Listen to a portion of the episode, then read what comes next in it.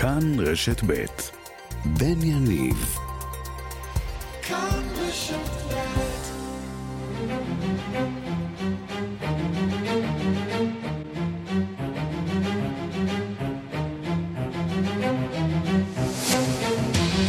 השעה הבינלאומית, מהדורת יום ראשון הראשונה בשבוע, אני בן יניב, והיום בעולם.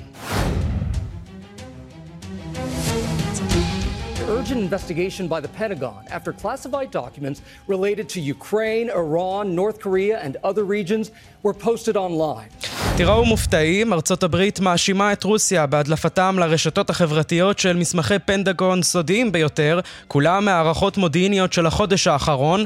בין הממצאים, מצבו המדאיג של הצבא האוקראיני באחת החזיתות החשובות במלחמה, וגם טענה לפיה המוסד עודד את עובדיו ואזרחי ישראל להשתתף במחאה נגד הרפורמה המשפטית. במשרד ראש הממשלה ובמוסד מכחישים. חזית סין והמערב שוב מתחממת אחרי פגישת נשיא טיוואן עם יושב ראש בית הנבחרים האמריקני. בייג'ינג מגיבה עכשיו בשלושה ימים של תמרונים צבאיים. נשיא צרפת, מקרון, נכשל בניסיונותיו להביא את מקבילו, הנשיא שי, להתערב כדי לסיים את המלחמה באוקראינה. איטליה ממשיכה להתאבל על מותו של אלסנדרו פריני, עורך הדין בן ה-35 מרומא, שמצא את מותו בפיגוע על חוף ימה של תל אביב. העיתון קואריירה דה לסרה מסתבך לאחר שטען הבוקר כי כדור נמצא ברגלו של התייר האיטלקי, בהמשך היום נאלץ לחזור בו. בעיראק מציינים 20 שנה לרגע הזה. It, this looks like a, it's going to be interesting to see whether they pull this down. I guess they will. And now it falls A cheer goes around the square. There he goes. שני עשורים חלפו מאז המון עיראקי הפיל את פסלו של הרודן סדאם חוסיין. הרגע שנתפס תחילה כשחרור מעול העריץ, נתפס בעיראק של היום כרגע שלא מעט היו מוותרים עליו, חלקם גם מתגעגעים למשטר אותו קיוו להפיל. וגם,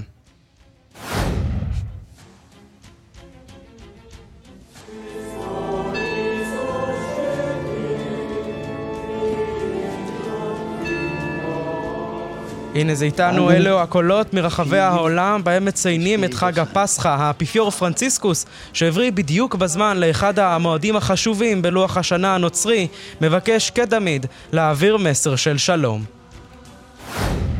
השעה הבינלאומית בצוות העורכת תימור טל, הטכנאים אמיר שמואלי ושמעון דוקרקר, אנחנו מתחילים.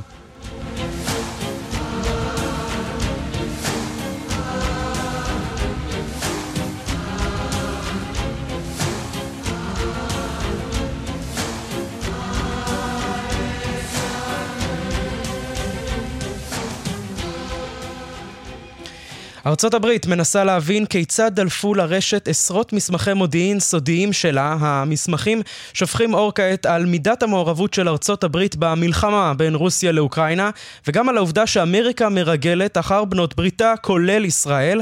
שלום לכתבנו בוושינגטון, נתן גוטמן. קודם כל, הצד הקרוב אלינו, מה יש במסמכים האלה על ישראל שנראה שיותר מרלוונטיים לסוגיה שהכי אולי מרתיחה כאן את שני הצדדים הפוליטיים בישראל בחודשים האחרונים. כן, בין, בין שלל המסמכים האלה שהודלפו, וצריך לומר, הודלפו בשבועות האחרונים, זה לא משהו שקרה אה, בן לילה, הם, אה, הם מסמכים שפשוט מישהו, ככל הנראה הרוסים, העלו לרשת באופן עקבי בשבועות האחרונים. ביניהם נמצא גם אה, מסמך אה, מודיעיני מעניין, או כמה שנוגעים לשאלה מה קורה בישראל בנוגע למחאה נגד השינויים המשפטיים, ולפי המסמך הזה, הערכת המודיעין האמריקאית הזאת, הם ראשי המוסד, מנהיגי המוסד, הם אה, פועלים כדי לעודד את הציבור הישראלי להשתתף בהפגנות ולעודד בכירים במוסד להשתתף במחאות האלה נגד הממשלה. לכאורה זה חומר נפיץ שמנסה להצביע על מעורבות פוליטית של אה, סוכנות הביון הישראלית הזאת. אה, כמובן, כפי ששמענו בפתח התוכנית, ישראל והמוסד מכחישים את זה באופן גורף, וההערכה היא שזה באמת לא נכון, לא במובן הזה של אה, איזושהי מעורבות של המוסד בהפגנות או איזשהו עידוד שלהם להפגנות, אה, אה, ייתכן שמדובר באי הבנה של החומרים שהתקבלו, אבל זה גם מעיד על כך שיש מי שיושב בארצות הברית ומאזין לשיחות של בכירים אמריקנים או ישראלים, או עוקב אחר התכתובות שלהם, וככה הוא שומע את הדברים האלה. זה לא צריך נורא להפתיע שארצות הברית מרגלת אחרי ישראל, כולל אחרי בכירים במוסד, אבל כל פעם כששומעים את זה, זה בכל זאת גורם לך לחשוב קצת. לגמרי, ואנחנו גם יודעים את הפרסומים מהעבר, גם על המעקב המאוד צמוד של הממשל האמריקני לצורך העניין, בעקבותיו של ראש הממשלה בנימין נתניהו, ועם כל הפרופילים האישיים והפסיכולוגיים אה, שהם בנו נגדו, וגם אותם אה, פרסומים בעבר לפני כמה שנים, שארצות הברית אה, עקבה אחר הטלפון, נדמה לי, של אנגלה מרקל בהיותה קאנצלרית גרמניה, אבל בכל זאת, נתן, זה תופס את האמריקנים לא מוכנים, כמובן, פרסום שכזה. כן, אה, אגב, ובעיקר מה שנוגע אה, למוקד של, ה... אה, של ההדלפות האלה, והוא זה של, שעוסק במלחמה בין רוסיה לאוקראינה, כי ניכר מהמסמכים האלה שארצות הברית מאוד מאוד מעורבת במאבק הזה בין רוסיה לאוקראינה. מעורבת ברמת המודיעין היומי, יודעת מה קורה בשטח ברמת היחידה והחייל, ומנסה לסייע לאוקראינים um, כדי לנצח במלחמה הזאת. Um, אנחנו רואים במסמכים האלה עדויות לכך שהאמריקנים באמת פשוט מנהלים יחד עם האוקראינים מעקב מאוד צמוד ועזרה מבחוץ מאוד uh, קרובה כדי לעזור לאוקראינים לנצח. יש שם הערכות לא מחמיאות במיוחד לגבי יכולותיו של הצבא הרוסי, גם לא מאוד מחמיאות לגבי העמידה של האוקראינים, יש שם חששות לגבי מצב אספקת התחמושת שלהם למשל, וכל זה מוביל לשאלה מי הדליף את זה, האם זה באמת, אה, כפי שמנסים להציג את זה, פשוט הדלפה אמריקנית מהפנטגון, מה שרוב האנשים חושבים שיותר סביר זה שמדובר באיזושהי הדלפה רוסית, הרוסים הצליחו לשים את ידם על החומר האמריקני הזה ורצו להדליף אותו כדי להביך את האמריקנים, ישנם כנראה גם עדויות לכך שמי שהדליף את זה לא הדליף בהכרח באופן הכי מדויק, וחלק מהמסמכים אולי עברו כמה שינויים, למשל כדי להציג את מצבה של רוסיה טוב מכפי שהיה. כך או כך, אה, זה לוקח אותנו לעולם הזה של המודיעין הסודי, שבו בנות ברית מרגלות אחרי בנות ברית אחרות, שבו הרוסים יודעים מה קורה בתכתובות של האמריקנים. הדברים האלה אה, שופכים אור על משהו שאמור להיות נסתר, או שלפחות מי שמעורב בו מנסה להשאיר אותו נסתר. אוקיי, נתן גוטמן, תודה רבה לך על הדיווח הזה. תודה, בן. עכשיו איתנו יוסי מלמן, פרשן מודיעין וביטחון בעיתון הארץ ומחבר הספר מרגלים לא מושלמים. שלום יוסי. שלום בן. אמ, אז אה, נגיד, אולי הרוסים הם אינם מושלמים, אבל הם מצליחים להביך שוב את הממסד הביטחוני האמריקני בפעם המי יודע כמה בשנים האחרונות, והרבה כותרות על המלחמה באוקראינה, אבל גם ואולי בעיקר, ונתחיל מהנקודה הזו מבחינתנו, הצצה כיצד באמת רואים ב-CIA את המחאה כאן בישראל, והמשחק שככה מבינים ב-CIA שמנהל כאן המוסד הישראלי.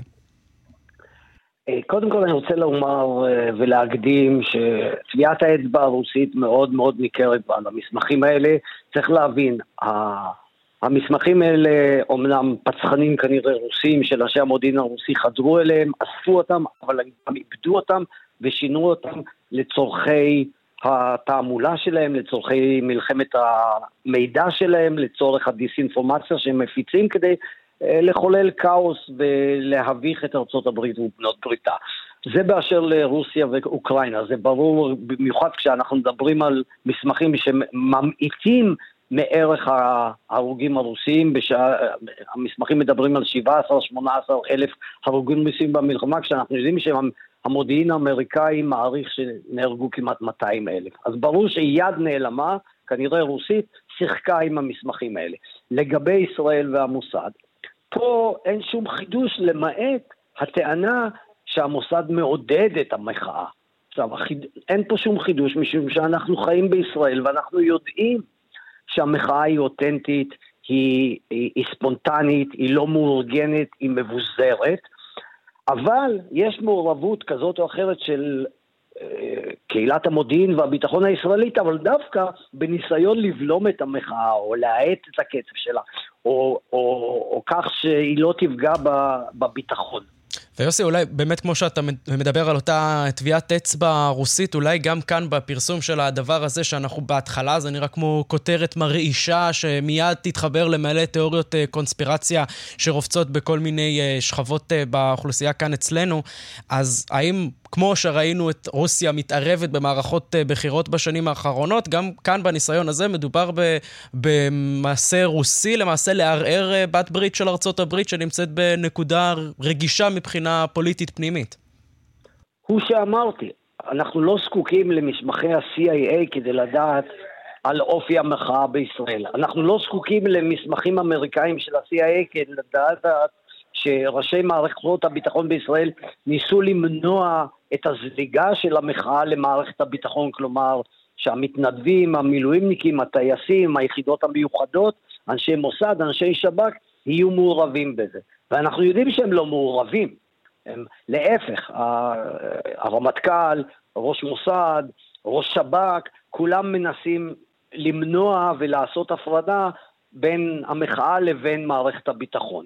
עכשיו, ברגע שיש מסמך אמריקאי שהודלף, שמדבר על כך שהמוסד מעודד את המחאה, אז, אז זה, זה כל כך ברור שזה יד נעלמה רוסית או, או מי שלא יהיה מאחורי המסמכים האלה מנסה גם לסכסך בין ארצות הברית לבין uh, ישראל. עכשיו, זה נופל על אוזניים מאוד קשובות, כי אנחנו יודעים מה בנו של ראש הממשלה יאיר נתניהו כבר צייץ לפני, בתקופה שעוד הוא, עד לפני עשרה ימים כשהוא עוד צייץ ולא גזר לעצמו שתיקה. אנחנו יודעים שהוא אמר, ש... אנחנו יודעים שארצות הברית Uh, הוא טען שארצות הברית מממנת את המחאה, אז עכשיו... וארצות הברית גם... גם מתייחסת לאותן אמירות של בנו של ראש הממשלה. זאת אומרת, זה נכון. הכניס אותנו, הדברים האלה בדיוק הכניסו אותנו לאותה מערכת יחסים שעכשיו היא די מתוחה בשבועות נ... האחרונים.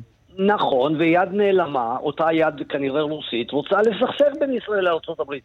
לא רק בין ישראל הברית, היא מנסה לסכסך בין הברית ונאט"ו וגרמניה, כמו שנתן גרוטמן דיווח, והיא גם תהנה מפירות הסכסוך אה, בין ישראל הברית, כי זאת תורת הכאוס שמפיצים אנשי המודיעין הרוסי בכל העולם, זה לא חדש, הקג"ב עשה את זה בזמן ברית המועצות והם עושים את זה עכשיו, בייחוד כשרוסיה נמצאת במצוקה.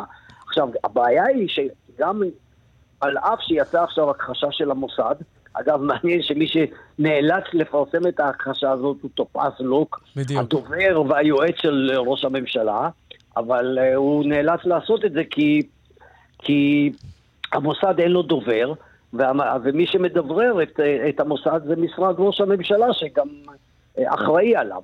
ולכן אף אחד לא יאמין, או אלה שמשוכנעים בישראל שתומכי אה, נתניהו תומכי המחנה שלו, שסבורים שיד נעלמה, אה, איזה קונספירציה עומדת מאחורי המחאה הזאת וממומנת על ארה"ב וכל מיני גופים אנונימיים, זה מחזק את, את, את עמדתם ונותן להם רוח גבית, כאשר אנחנו יודעים היטב כן. שהמוסד לא מעודד את המחאה. אה, יותר, יותר, יותר כן, ראש המוסד אומנם אישר לאנשי מוסד משרתים לבוא אינקוגניטו, בלי שמות, בלי תארים, למחאה, כמו כל אזרח בסוף שבוע ביום שבת, אבל מצד שני הוא אסר על הצמרת של המוסד, המשרתת, מדרגת ראש מחלקה ומעלה, להשתתף, אפילו במחאה הכי פשוטה, ללכת להפגנה בכפר סבא. בדיוק. ויוסי, אולי ננסה לצאת לקראת uh, סיום קצת מהזווית הזו שלנו, מהנקודה המאוד מעניינת, uh, ואולי אפילו uh, לוהטת הזו שנחשפה או לא נחשפה ומי עומד מאחוריה, אבל גם ננסה אולי להסתכל על האירוע העולמי החשוב ביותר בשנה האחרונה, וזו כמובן המלחמה באוקראינה ומה שאנחנו מגלים שם. Uh, ידענו על זה שהצבא של uh, רוסיה לא הגיע מוכן למערכה הזו, uh, ידענו שארצות הברית מאוד מעורבת. כיצד אתה רואה בדיוק את הדברים שנחשפו בנוגע למלחמה הזאת, שקהילת המודיעין האמריקנית מושקעת בה מאוד מאוד. זה לא מפתיע. קהילת המודיעין האמריקאית הכינה את צבא אוקראינה עוד לפני המלחמה. ההישגים הגדולים של אה, צבא אוקראינה במלחמה הם בזכות המידע המודיעיני שמספקת ארצות הברית ומספקות אה, חברות... עוד בעקבות הפלישה לחצי האי קרים, המודיעין האמריקאי התעורר ב-2014 והתחיל להכין אה, את האוקראינים למהלך הבא שהיה מצופה, או קיוו למנוע אותו, שתהיה פלישה כוללת. ומבחינה זאת, בזכות המודיעין המדויק הזה, אוקראינה הצליחה לבלום את הפלישה. הרוסים העריכו, כפי שאתה יודע, שתוך יומיים, שלושה, חמישה, וגם במערב אולי חלק העריך, הרוסים יכבשו את, את, את כל אוקראינה. ומאז האמריקאים מחמשים את אוקראינה, נאט"ו מחמשת את אוקראינה, היא מספקת את המידע הכי מדויק שיכול להיות, היא מאפשרת להם להפעיל את הכלים המעטים שעומדים לרשותם, המל"טים המעטים, הארטילריה שסופקה על ידי ברית נאט"ו, בצורה הכי יעילה שיכולה להיות, וזה מה שמאפשר את ה... אני לא יודע אם לקרוא לזה את הניצחון האוקראיני, אבל בוודאי בוודאי את, את העובדה שהם לא התמוטטו. טוב, בהחלט אה, זה היה מעניין, גם אם זה לא חידש לנו הרבה, עדיין אה, לראות אה, כזאת דליפה של מסמכים שמסווגים כיסודיים ביותר, זה עדיין עניין מרתק. יוסי נכון, מלמן... נכון, זאת הבעיה, כן. זאת הבעיה העיקרית. שאמריקאים נקובים כחברה מודיעינית, ואנחנו יכולים להיזכר בסנודן ויכולים להיזכר בוויקיליקס, ועכשיו הגיע בדיוק המשלוח החדש. הלכידות הזו והריחוק המסוים שהיה לקהילת המודיעין האמריקנית הולכת ונשחקת ממש כמעט שנה אחר שנה. יוסי מלמן, פרשן מודיעין וביטחון בעיתון הארץ, מחבר הספר מרגלים לא מושלמים, תודה רבה לך על הדברים הללו. תודה לכם.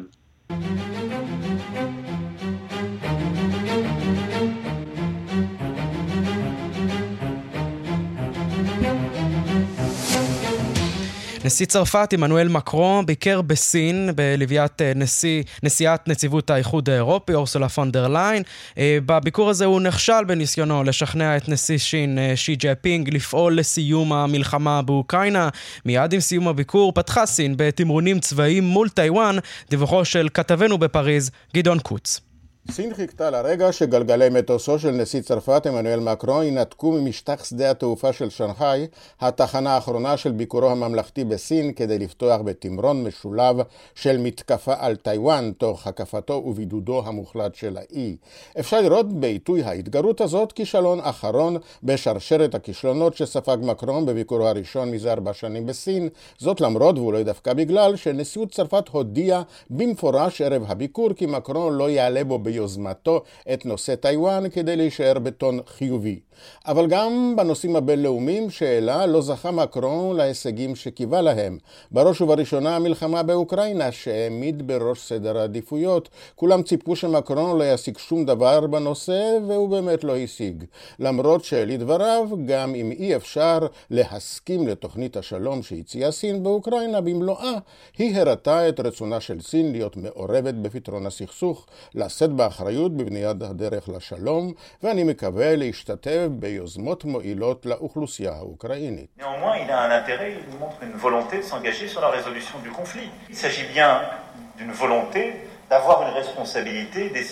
ובכל מקרה הוא לא הצליח להבהיר את עמדת צרפת כלפי תפקידה של סין מול רוסיה. אומרים באירופה ורואים בכך כישלון נוסף של מקרון לייצג את האיחוד מול סין כפי שנכשל במאמציו לשכנע את פוטין שלא לפלוש לאוקראינה.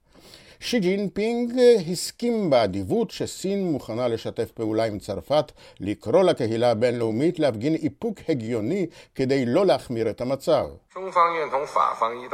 La Chine est prête à collaborer avec la France pour inciter la communauté internationale à faire preuve de retenue rationnelle. מן הצד האישי, בפגישתם בקנטון, סיפר לו שי באריכות על אביו שעמד שם בראש המפלגה ונכלא על ידי מאו צטונג.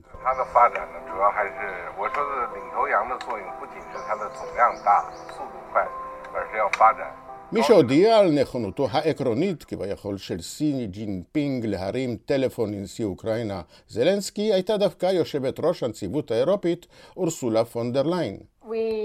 discussed and I raised the topic, um, I encouraged President Xi to reach out to President Zelensky. Um, I know from my phone calls that, um, and President Zelensky asked for it publicly. הצעתי לשי לשוחח עם זלנסקי שביקר זאת בפומבי, לכן היה מעניין לשמוע ששי הביע את נכונותו לדבר עם זלנסקי בתנאים ובעיתוי הנכונים. מקרו עמד על כך שפונדרליין תתלווה אליו בביקור ואולי בתור השוטר הרע לצד השוטר הטוב כדי להראות שהוא בא כנציגה של אירופה כולה, אבל הסינים לא קידמו את פניה בברכה בגלל אזהרותיה וסגנונה הקשוח כלפי סין. is a clear violation of international law. It's the aggressor, and he should never be armed. And this would indeed significantly harm the relationship between the European Union לחמשת התוקפן זוהי הפרה ברורה של החוק הבינלאומי וזה יפגע באופן משמעותי ביחסי האיחוד האירופי עם סין. לסין בתור חברה קבועה במועצת הביטחון יש אחריות גדולה להשתמש בידידות שפיתחה במשך עשרות שנים עם רוסיה. בתחום המדיני-כלכלי, מקרון, בניגוד לפונדרליין, שהכריזה כי הסכם הסחר עם סין אינו קיים, עוד ביקש להמעיט בחשיבות הפרוטקציוניזם המונע גישה חופשית לשוק הסיני. mais doit aussi s'engager avec volontarisme pour continuer האיחוד האירופי הפעיל מנגנוני סחר הנחוצים לאמינותו, אבל מוכן גם להתחייב ברצון לקיים יחסי סחר עם סין. והוא התרכז בקידום העסקאות של לא פחות מ-80 מנהלי חברות גדולות שנלוו אליו בביקור. זה של ארבוס למשל הצליח להכפיל את ייצור מטוסיו על אדמת סין, זה היה כנראה הישגו היחיד. אבל תפקיד סוכן מכירות מוצלח לא היה בדיוק התפקיד שלו קיווה מקרון בצאתו לביקור ההיסטורי. לזה צריך להוסיף שנשיא צרפת נאלץ לנהל מרחוק את המשבר החברתי בארצו סביב חוק הפנסיה ואפילו לנהל ויכוח עם ראשת הממשלה שלו שביקשה קצת קצת להפיג את המתח עם האיגודים המקצועיים. אגב, שרת החוץ קטרין קולונה ניצלה את הביקור בבייג'ינג כדי להיוועד עם שר החוץ של איראן, אמיר עבדולהיאן, שערך שם פגישה היסטורית תחת חסות סין עם עמיתו הסעודי פייסל בן פרחן, כדי לדרוש ממנו לשחרר את האזרחים הצרפתים שבכלא ולהביע באוזניו, לפחות לפי הודעה רשמית, את מורת רוחה של צרפת ממעשיה של איראן בתחום הגרעין וליבוי המתיחות באזור. כאן גדעון קוץ, מפריז. שלום לאלכסנדר אה, פזנר, חוקר סין, מרצה בבית ספר לאודר לממשל, דיפלומטיה ואסטרטגיה באוניברסיטת אה, רייכמן, ועמית במכון ירושלים לאסטרטגיה ולביטחון. שלום לך, פרופסור פזנר. שלום, אה, עדיין לא פרופסור, ושם משפחתי פבזנר, אבל שלום שלום. פבזנר, סליחה. אה, וגם קידמתי אותך באותו תואר, אז לא רע. אה, אנחנו רואים עוד הפעם, בפעם השנייה, בתוך נדמה לי כמעט חצי שנה, שהסינים שוב מפעילים את האיום הצבאי שלהם במרומז או שלא במרומז, עם שלושה ימי תרגולים צבאיים. שוב אנחנו רואים מטוסים, מטוסי קרב סינים ואוניות וספינות של הצבא הסיני מול חופיה של טיוואן. הזמן. כיצד אנחנו יכולים עוד הפעם להבין את מה שהסינים עושים, דבר שהם בעבר, למרות המתיחות שתמיד הייתה קיימת בין שני הצדדים הללו והמעורבות האמריקנית, בעבר היא הייתה נמנעת, עכשיו אנחנו רואים את הסינים משחררים את הרסן הרבה יותר מהר. נכון, אה, אתה יודע, 71 מטוסים אה, זה לא בדיוק מרומז, זה הכי מפורש שיש, ואנחנו כבר ראינו היום אה, כניסה של נושאת מטוסים סינית לאזור, וכנראה נושאת מטוסים אמריקאית גם כן באזור, אז המתח בוודאי עולה. תראה, יש לנו, מה הסינים רוצים? זה עדיין, עדיין, אה, בשלב של דיפלומטיה צבאית. אבל כמובן שהיות שיש לך כל כך הרבה כלים באזור ובפירוש אה, שתים וטסים אחד ליד השני, אז ברור שיש כאן אה, פוטנציאל תאונה אם לא גרוע מזה. תראה, יש כאן איזשהו שינוי מסוים למעשה מכל הצדדים, ובעיקר מסין וארצות הברית, כי בניגוד למשברים אחרים בין uh, סין לטיוואן ב-54, ב-58, המשבר השלישי ב-95, שגם היה ארוך כמעט שנה, מה שיש לנו כאן זה מין משבר, קוראים לזה אולי משבר טיוואן הרביעי, יש כאן משבר מתגלגל למעשה, זאת אומרת שהוא לא נגמר. כי הלחץ הסיני על טיוואן אה, מאוד מאוד מתגבר, אה, גם לפני ביקור פלוסי שנה שעברה באוגוסט, גם אחרי, וגם מה שאנחנו רואים עכשיו, וזה ביטוי ליחסים ה... לא יודע, כבר המילה איום ונורא כבר לא מכסה את זה. היחסים המאוד מאוד גרועים אה, בין סין לארה"ב, וסין משתמשת בטיוואן בשביל להביע את חוסר שביעות רצונה אה, מהלחץ האמריקאי. כן, טיוואן היא... גם מהותית, כן. גם גיאוגרפית וגם פילוסופית תקועה באמצע. בדיוק, באמת תקועה בתווך בין שתי המעצמות האלה, שכמו שאתה אומר, המתיחות רק הולכת וגוברת. אנחנו ראינו אז את הביקור של אה, פלוסי בטיוואן, שגרר גם כן ימים מאוד מאוד, אה, בוא נגיד, אה, של כמעט על סף הסלמה, וחשש של התושבים הלאה בטיוואן מתקיפה סינית ממשית. ראינו את השיבושים שנעשו אז גם לפעולות תנועת המטוסים בשמי טיוואן, גם לתנועת הספינות שם. החשש הזה שאולי הסינים פתאום יטילו איזשהו אמברגו כזה וינסו אה, למנוע את הוצאתם של אה, צ'יפים שטיוואן כל כך אה, מתמחה בהם לשאר העולם. אנחנו ראינו גם את אותו משבר בלוני ריגול שהיה בין הסינים לארצות הברית. אז ממה שאתה מבין, כיצד אנחנו יכולים עוד פעם לפרש את ההתנהלות הסינית הזו, שכבר בעבר הייתה הרבה יותר רגועה ומרומזת, והיום זה כבר, כולם רואים את זה. כן, נכון, כי זה, זה, זה פועל יוצא של מצד אחד כוח גובר סיני, ומצד שני, כפי שאמרתי, הידרדרות היחסים אה, עם ארצות הברית. אתה, אתה יודע, תרצה להאשים בזה את שי ג'ינפינג, זה נכון, תרצה להאשים בזה את אה, טראמפ וביידן, זה גם נכון. אה, למעשה, הבעיה היא שהסטטוס קוו שהיה קיים בין שלושת הצדדים משנות ה-70, אה, עם ביקורי אה, ניקסון וקיסנג'ר בסין וכינון היחסים בין סין לארה"ב והפשרה המאוד חכמה שקיסנג'ר הציע סביב טיוואן, הסטטוס קוו הזה השתנה, והוא השתנה מכל שלושת הצדדים, וזה ברור, אז צריך למצוא איזשהו, איזושהי נקודת איזון חדשה, וזה לא פשוט. תראה, מה שאנחנו רואים, מה שמעניין, קודם כל, טיוואן וארה"ב למעשה כבר התפשרו במידה מסוימת, כי מקארתי התכנן להגיע לטיוואן, ובגלל המחאות הסיניות העבירו את הביקור הזה של, של נשיאת טיוואן ציין ון לארצות הברית. כאשר פה סין לדעתי הפקיעה גול עצמי, כי תשומת הלב התקשורתית בארצות הברית שם כנראה הייתה הרבה יותר גדולה מאשר uh, אם הביקור היה uh, מתחולל uh, בטיוואן. בדיוק. אבל uh, תראה, מה שחשוב זה להבין צעדים סינים אחרים, כי תראה מה קורה. במקביל לביקור של ציין ון אה, באמריקה, גם באמריקה המרכזית, גם בארצות הברית, אה, התחולל ביקור אה, לא פחות חשוב, לעניות דעתי, למרות שככה כולם מזלזלים בזה, ביקור של נשיא טיוואן לשעבר מא יינג-ג'או בסין, שלמעשה הודיעו עליו, אם אני לא טועה, לפני הביקור של צאי בארצות הברית, ביקור ארוך, כאשר הוא קיבל שם שטיח אדום מהסינים, ו... מה שאנחנו רואים מצד, ה, בוא נגיד, הוא נשיא של ה-KMT, של המפלגה, בוא נגיד, נשיא לשעבר, של המפלגה היותר ידידותית כלפי סין, ואנחנו, שנה הבאה זה בחירות לא רק בארצות הברית, זה גם בחירות בטיוואן. ומה שאנחנו רואים בפוליטיקה טיוואנית, אני לא מומחה לזה, אבל הבחירות הן אה, די אה, פתוחות, בוא נגיד ככה, ממש לא ברור ש... שמפלגת ה-DPP, היותר ככה לכיוון עצמאות, ממש לא ברור ש... שהיא בהכרח uh, תזכה. זאת אומרת שלא רק שטיוואן בתווך, אלא היא גם נמצאת באיזשהו פילוג שכפי שאתה אומר, הולך ונמצא יותר ויותר מקטב אולי בין המחנה, נגיד, הפרו-אמריקני למחנה הפרו-סיני בתוך טיוואן? Uh, כן, נכון, אבל זה לא רק עניין של פוליטיקה, זה גם עניין של הישרדות מצד הטיוואנים, כי בכל זאת... ברור פה מי הצד החלש. אבל ביקור של נשיא לשעבר בסין, שנתפסת כ... תתקן אותי אולי כמדינת אויב, מן הסתם, של uh, טיוואן, לא יכול להיתפס כאיזשהו, קודם כל, מן הסתם מעורבות uh, סינית בפוליטיקה הפנימית, אבל uh, גם כאיזשהו מעשה אנטי-טיוואני באיזשהו מקום. סין כאויבת של טיוואן, תלוי את מי אתה שואל. כן.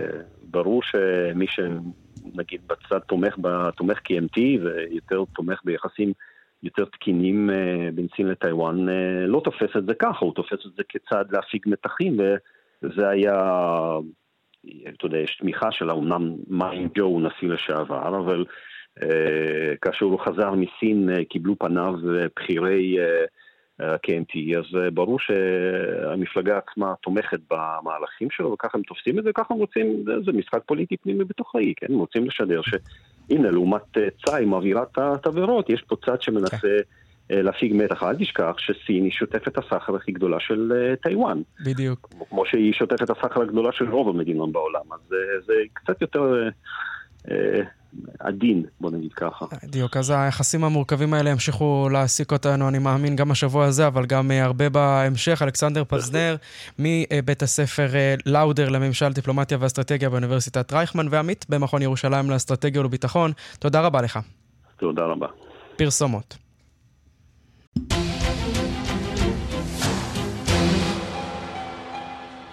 כן, שוב שלום לכם. הפיגוע בתל אביב ומותו של אזרח איטלקי העכירו את אווירת החג של חג הפסחא באיטליה. האפיפיור פרנציסקוס אמר כי העולם מדמם, הוא ביקש לשים קץ למלחמות ברחבי העולם, תוך הבעת דאגה מיוחדת מהאלימות הגואה כאן באזורנו. דיווחו של כתבנו ברומא, יוסי בר. חג הפסחא, נחשב לחג החשוב ביותר של מיליארד וחצי קתולים, הפך לחג עצוב ולתפילה נגד האלימות הגואה ברחבי העולם. כאן בוותיקן האפיפיור פרנציסקוס הפקיד בידי ישו שקם לתחייה את עתידה של ירושלים. הוא הביע דאגה רבה מההתקפות של הימים האחרונים שמאיימות על האמון בין הישראלים לפלסטינים. In questo giorno ti affidiamo, Signore, la città di Gerusalemme, prima testimone della tua resurrezione. Manifesto viva preoccupazione per gli attacchi di questi ultimi giorni che minacciano l'auspicato clima di fiducia. פרנציסקוס התפלל לחידוש המשא ומתן בין הישראלים לפלסטינים, שרק באמצעותו אפשר להשכין שלום בירושלים ובכל האזור. האפיפיור דרש את עזרתו של אלוהים כדי לשים קץ למלחמה בין אוקראינה לרוסיה ולהפסיק את הקונפליקטים ברחבי העולם. העולם מדמם, אמר האפיפיור, וציין את סוריה, לבנון, טוניסיה, האיטי, אתיופיה, דרום סודאן, קונגו ומדינות אחרות באפריקה. הוא ביקש מאלוהים לסייע בשמירה על הדמוקרטיה, זכויות האדם, ואף שיגר תנחומים לכל נפגעי הטרור בעולם. באיטליה חג הפסחא היה מהול בעצב על מותו של התייר ופציעתם של תיירים אחרים בפיגוע בתל אביב. הנפוץ בעיתוני איטליה, קוריירה דה לסרה, רמז בעיתונו כי התייר האיטלקי שנרצח נפגע גם מכדור אקדח ברגלו. העיתון ציין כי הרופאים הישראלים הכחישו שנמצא כדור בגופו של הנרצח, דבר שאילץ את מנהלי העיתון להוסיף את המילה ייתכן שכדור נמצא ברגלו של הנרצח. כאן יוסי בר, רומא. הקתולים בניקרגואה נאלצים לקיים את תהלוכת הפסחא המסורתית בשטחי הכנסייה על רקע איסור של חגיגות פומביות ובסוף השבוע האחרון נעצר שם עיתונאי שדיווח על התהלוכות. שלום לכתבנו באמריקה הלטינית תום אורגד שממשיך לעקוב אחר המלחמה הזו של נשיא ניקרגואה כנגד הכנסייה הקתולית. כן, אה, באמת אפשר להגיד שהעימות בין אה, שלטונות ניקרגואה לכנסייה הקתולית הגיע לאיזשהו שיא חדש, תהלוכות אה, יום שישי הקדוש של חג הפסחא, בעלות משמעות דתית מאוד מאוד מאוד משמעותית וחשובה עבור הקתולים בניקרגואה, שמהווים יותר מ-60% מהאוכלוסייה, והשנה הנשיא דניאל אורטגה, שנחשב בעיני רבים לדיקטטור של ממש, אסר על עריכת התהלוכות אה, ברחובות הערים והגביל אותן אך ורק לחצרות הכנסייה. הדבר קשור להחרפה של הסכסוך בין, ה, בין הכנסייה הקתולית אה, לשלטונות בחודשים האחרונים, כאשר בחודש פברואר איש דת בשם רולנדו אלוורז נידון למאסר של 26 שנה עקב התנגדות למשטר, ולאחר מכן האפיפיור אה, בנאום מפורסם שלו השווה את אה, שלטונות ניקרגואה למשטרים של אה, סטלין ושל, ושל היטלר. כן. העניין הוא שלאחר הנאום הזה של האפיפיור, הכנסיות בניקרגואה, במיסה של, של יום ראשון, היו מלאות לחלוטין. וכך שהעם למעשה הביע תמיכה מאוד נחרצת באפיפיור כנגד... כן, הצביע ברגליים כנגד משטר הרודנות של, של ניקרגואה, כנראה שכתוצאה מכך אה, אה, הנשיא דניאל אורטגה בגזירה באמת דרמטית אסר על חגיגות הפסחא, על תהלוכות הפסחא הציבוריות, אה, ובאמת מדובר ביום של עצב רב מאוד מהבחינה הזאת עבור הקתולים בניקרגואה, ובאמת בהכרזה של סוג של מלחמה בין הנשיא לבין העם. זהו, וזו באמת שאלה, אתה עוקב אחרי הסיפור הזה כבר אה, כמה זמן, זה באמת משהו די יוצא דופן, מנהיג באזור הזה של העולם, או כמעט בכלל, שיוצא באופן כזה פומבי כנגד הכנסייה, הכנסייה הקתולית בוודאי, אז מה השלב הבא? גם איסור חגיגות כריסמס? אי אפשר לדעת, כנראה שלא יעשו החגיגות חג המולד, אבל העימות בין, בין אורטגה לבין הכנסייה הקתולית הוא לא, הוא לא דבר חדש. כלומר, כן. אורטגה הוא נשיא ניקרגואה מאז שנת 2007, אבל הוא נמצא לסירוגין בשלטון מאז שנת 1979, וכבר בתחילת שנות ה-80 היו חיכוכים ביניהם, אורטגה הוא, הוא ידוע כמרקסיסט, או לפחות כבעל עבר מרקסיסטי, והרי המרקסיזם והקומוניזם יש להם יחסים מאוד מורכבים, בלשון המעטה, עם, עם כן. מנהיגי דת לאורך ההיסטוריה. אז כלומר, אין כאן אה, חידוש גדול, אבל באמת מדובר כאן באיזשהו שיא, ובאמת בואו נזכיר שה...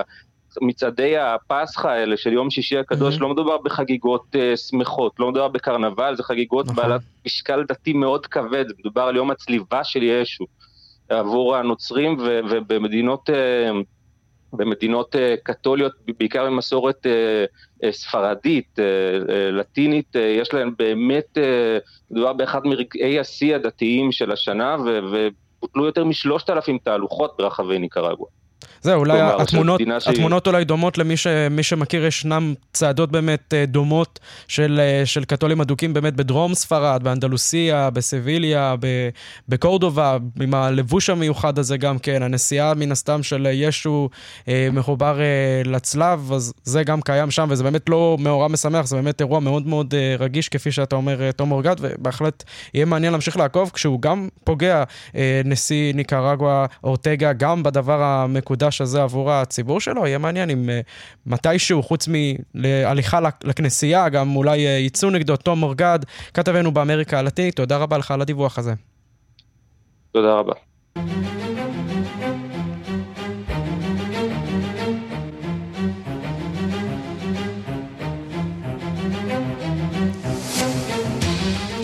שמונה שנים אחרי תחילת המלחמה של סעודיה כנגד החות'ים בתימן, האם אנחנו עומדים בפני נקודת מפנה? ביממה האחרונה הגיעה משלחת מעומאן וסעודיה כדי להתחיל בשיחות שלום עם החות'ים שנתמכים בידי המשטר האיראני. ראש תחום העולם הערבי רועי קייס איתנו, וזה קורה אחרי הסכם הפיוס בין סעודיה לבין איראן שנחתם לפני מספר שבועות. נכון, בן. זה לא קורה במקרה מה שנקרא, ובאמת התפתחות מאוד מעניינת שכאשר ביממה האחרונה גם משלחת מעומאן וגם משלחת מסעודיה מגיעה לסנאה, בירת תימן, מעוז המורדים אה, החוסים שהשתלטו על הבירה של תימן ב-2015. כזכור, כמו שציינת, אז אה, סעודיה הקימה את הקואליציה הערבית אה, שהיא עמדה בראשה נגד החוסים אחרי שהם השתלטו על העיר עדן, עיר הנמל החשובה.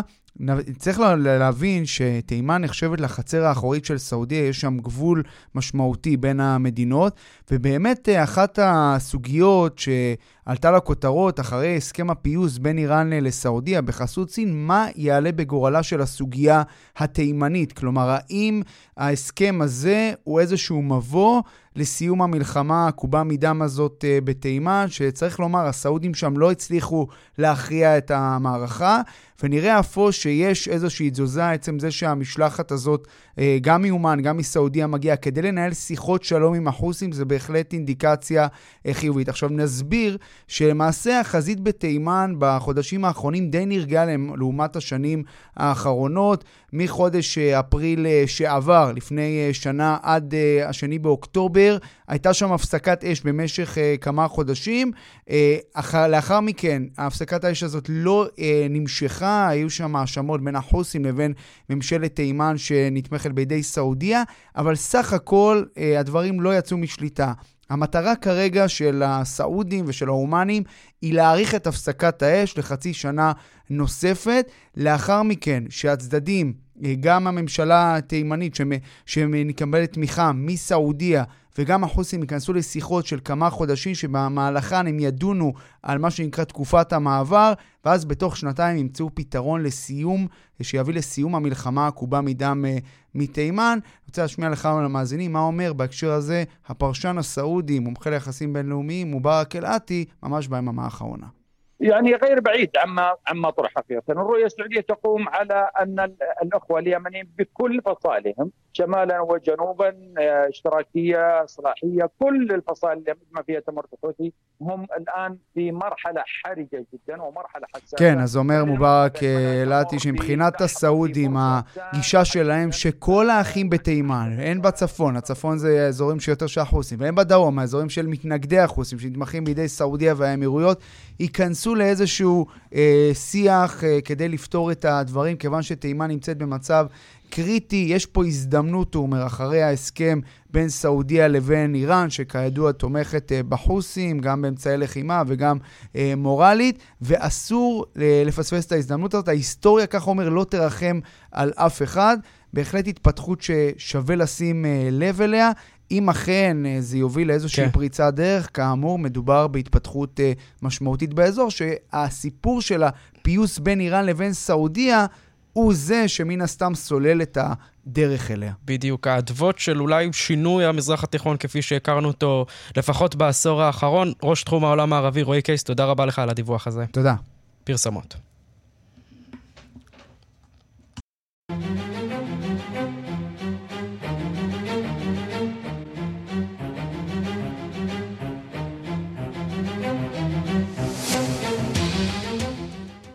לקראת סיום אה, נקפוץ ללונדון. עידו סואן מדווח לנו שם על אה, תערוכה חדשה של אה, דיוויד הוקני, שגם בגיל 85 נחשב לאחד האמנים הוותיקים והמצליחים בעולם. הנה הדיווח. דיוויד הוקני, אחד האומנים המצליחים בעולם, שציוריו נמכרים במיליונים, חגג לאחרונה 85. בפברואר נפתחה בלונדון תערוכה לא שגרתית של עבודותיו, בשם גדול יותר וקרוב יותר, ולא קטן יותר ורחוק יותר, תערוכה של עבודות שנוצרו בעזרת מציאות מדומה, החונכת את ה-Lightroom, חלל אמנות חדש מאחורי תחנת קינגס קרוס בלונדון, בו תוצג עד ה-1 באוקטובר. זאת לא עוד תערוכה במוזיאון, בו תלויות העבודות זו לצד זו, אלא מה שנקרא Immersive Experience, או בעברית אומנות אופפת. העבודות מוקרנות על מסקי ענק בחלל התערוכה, וגם על הרצפה, על התקרה והקירות, כשהן מקיפות את המבקרים המתהלכים בתוכן, בעודם מאזינים להגיגיו של הוקני עצמו, ומה הוא חושב למשל על צילום לעומת ציור. ספוילר, הוא מעדיף ציור, אף שחלק מעבודותיו המפורסמות הן דיוקנאות המורכבים מעשרות תמונות פולרויד שצילם. לאורך קריירה ארוכה הנמשכת כבר שישה עשורים, התנסה הוקני במדיומים שונים, האחרון שבהם ציורי אייפד מרהיבים ושופעי צבע של נופים בוויילס ובנורמנדי. לא מפתיע אם כך, שהסכים מיד לשתף פעולה עם ההצעה שהגיעה אליו מחברת העיצוב הבריטית Productions 59, וראה בה המשך טבעי ליצירתו.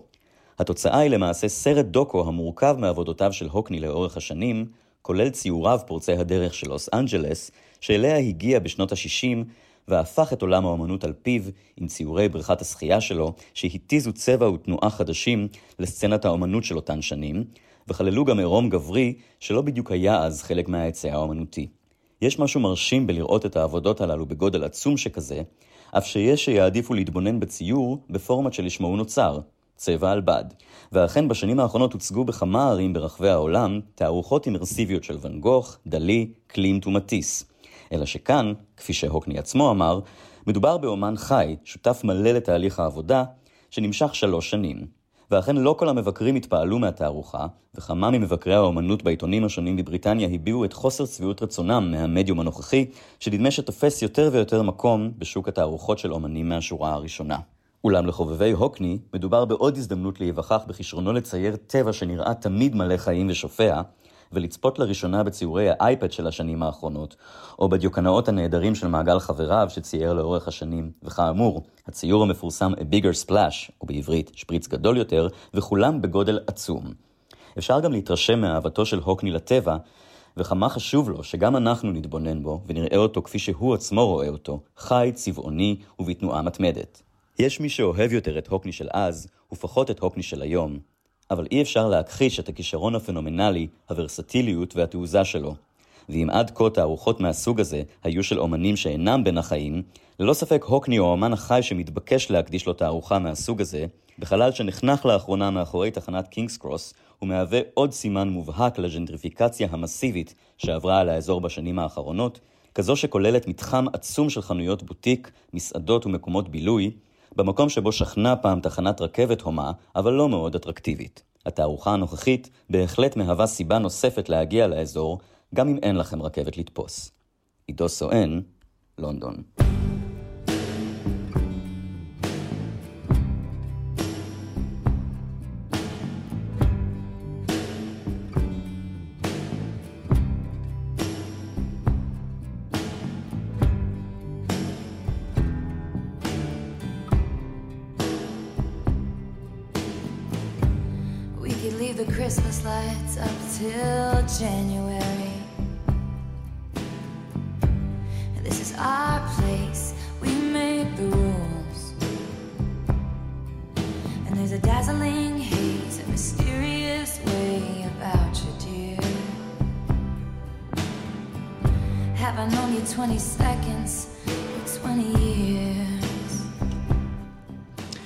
כפי שאתם שומעים, טיילור uh, סוויפט, uh, היא והשחקן הבריטי ג'ו uh, אולווין נפרדו אחרי שש שנות זוגיות, כך דווח לראשונה הלילה במגזין Undertainment Tonight.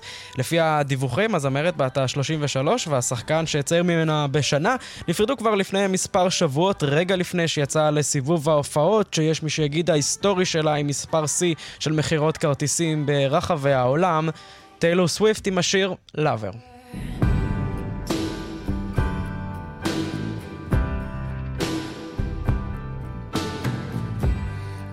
Let our friends crash in the living room. This is our place, we make the call. בינתיים נגיד לכם שעד כאן, השעה הבינלאומית, מהדורת יום ראשון הראשונה בשבוע, העורכת תימור טל, טכנאים רומן סורקין ושמעון דרוקרקר. אני בן יניב, מחר יחזור לכאן המגיש הידוע של השעה הבינלאומית, ערן אה, סי קורל, שיחזור לכיסא הזה כאן שאני יושב בו אה, היום. אחרינו, רגעי קסם עם אה, גדי לבנה. אנחנו ניפגש שוב אה, מחר, הפעם אולי מהצד של המדווח, כשערן סי קורל אה, ישוב. תודה רבה לכם, המשך האזנה נעימה.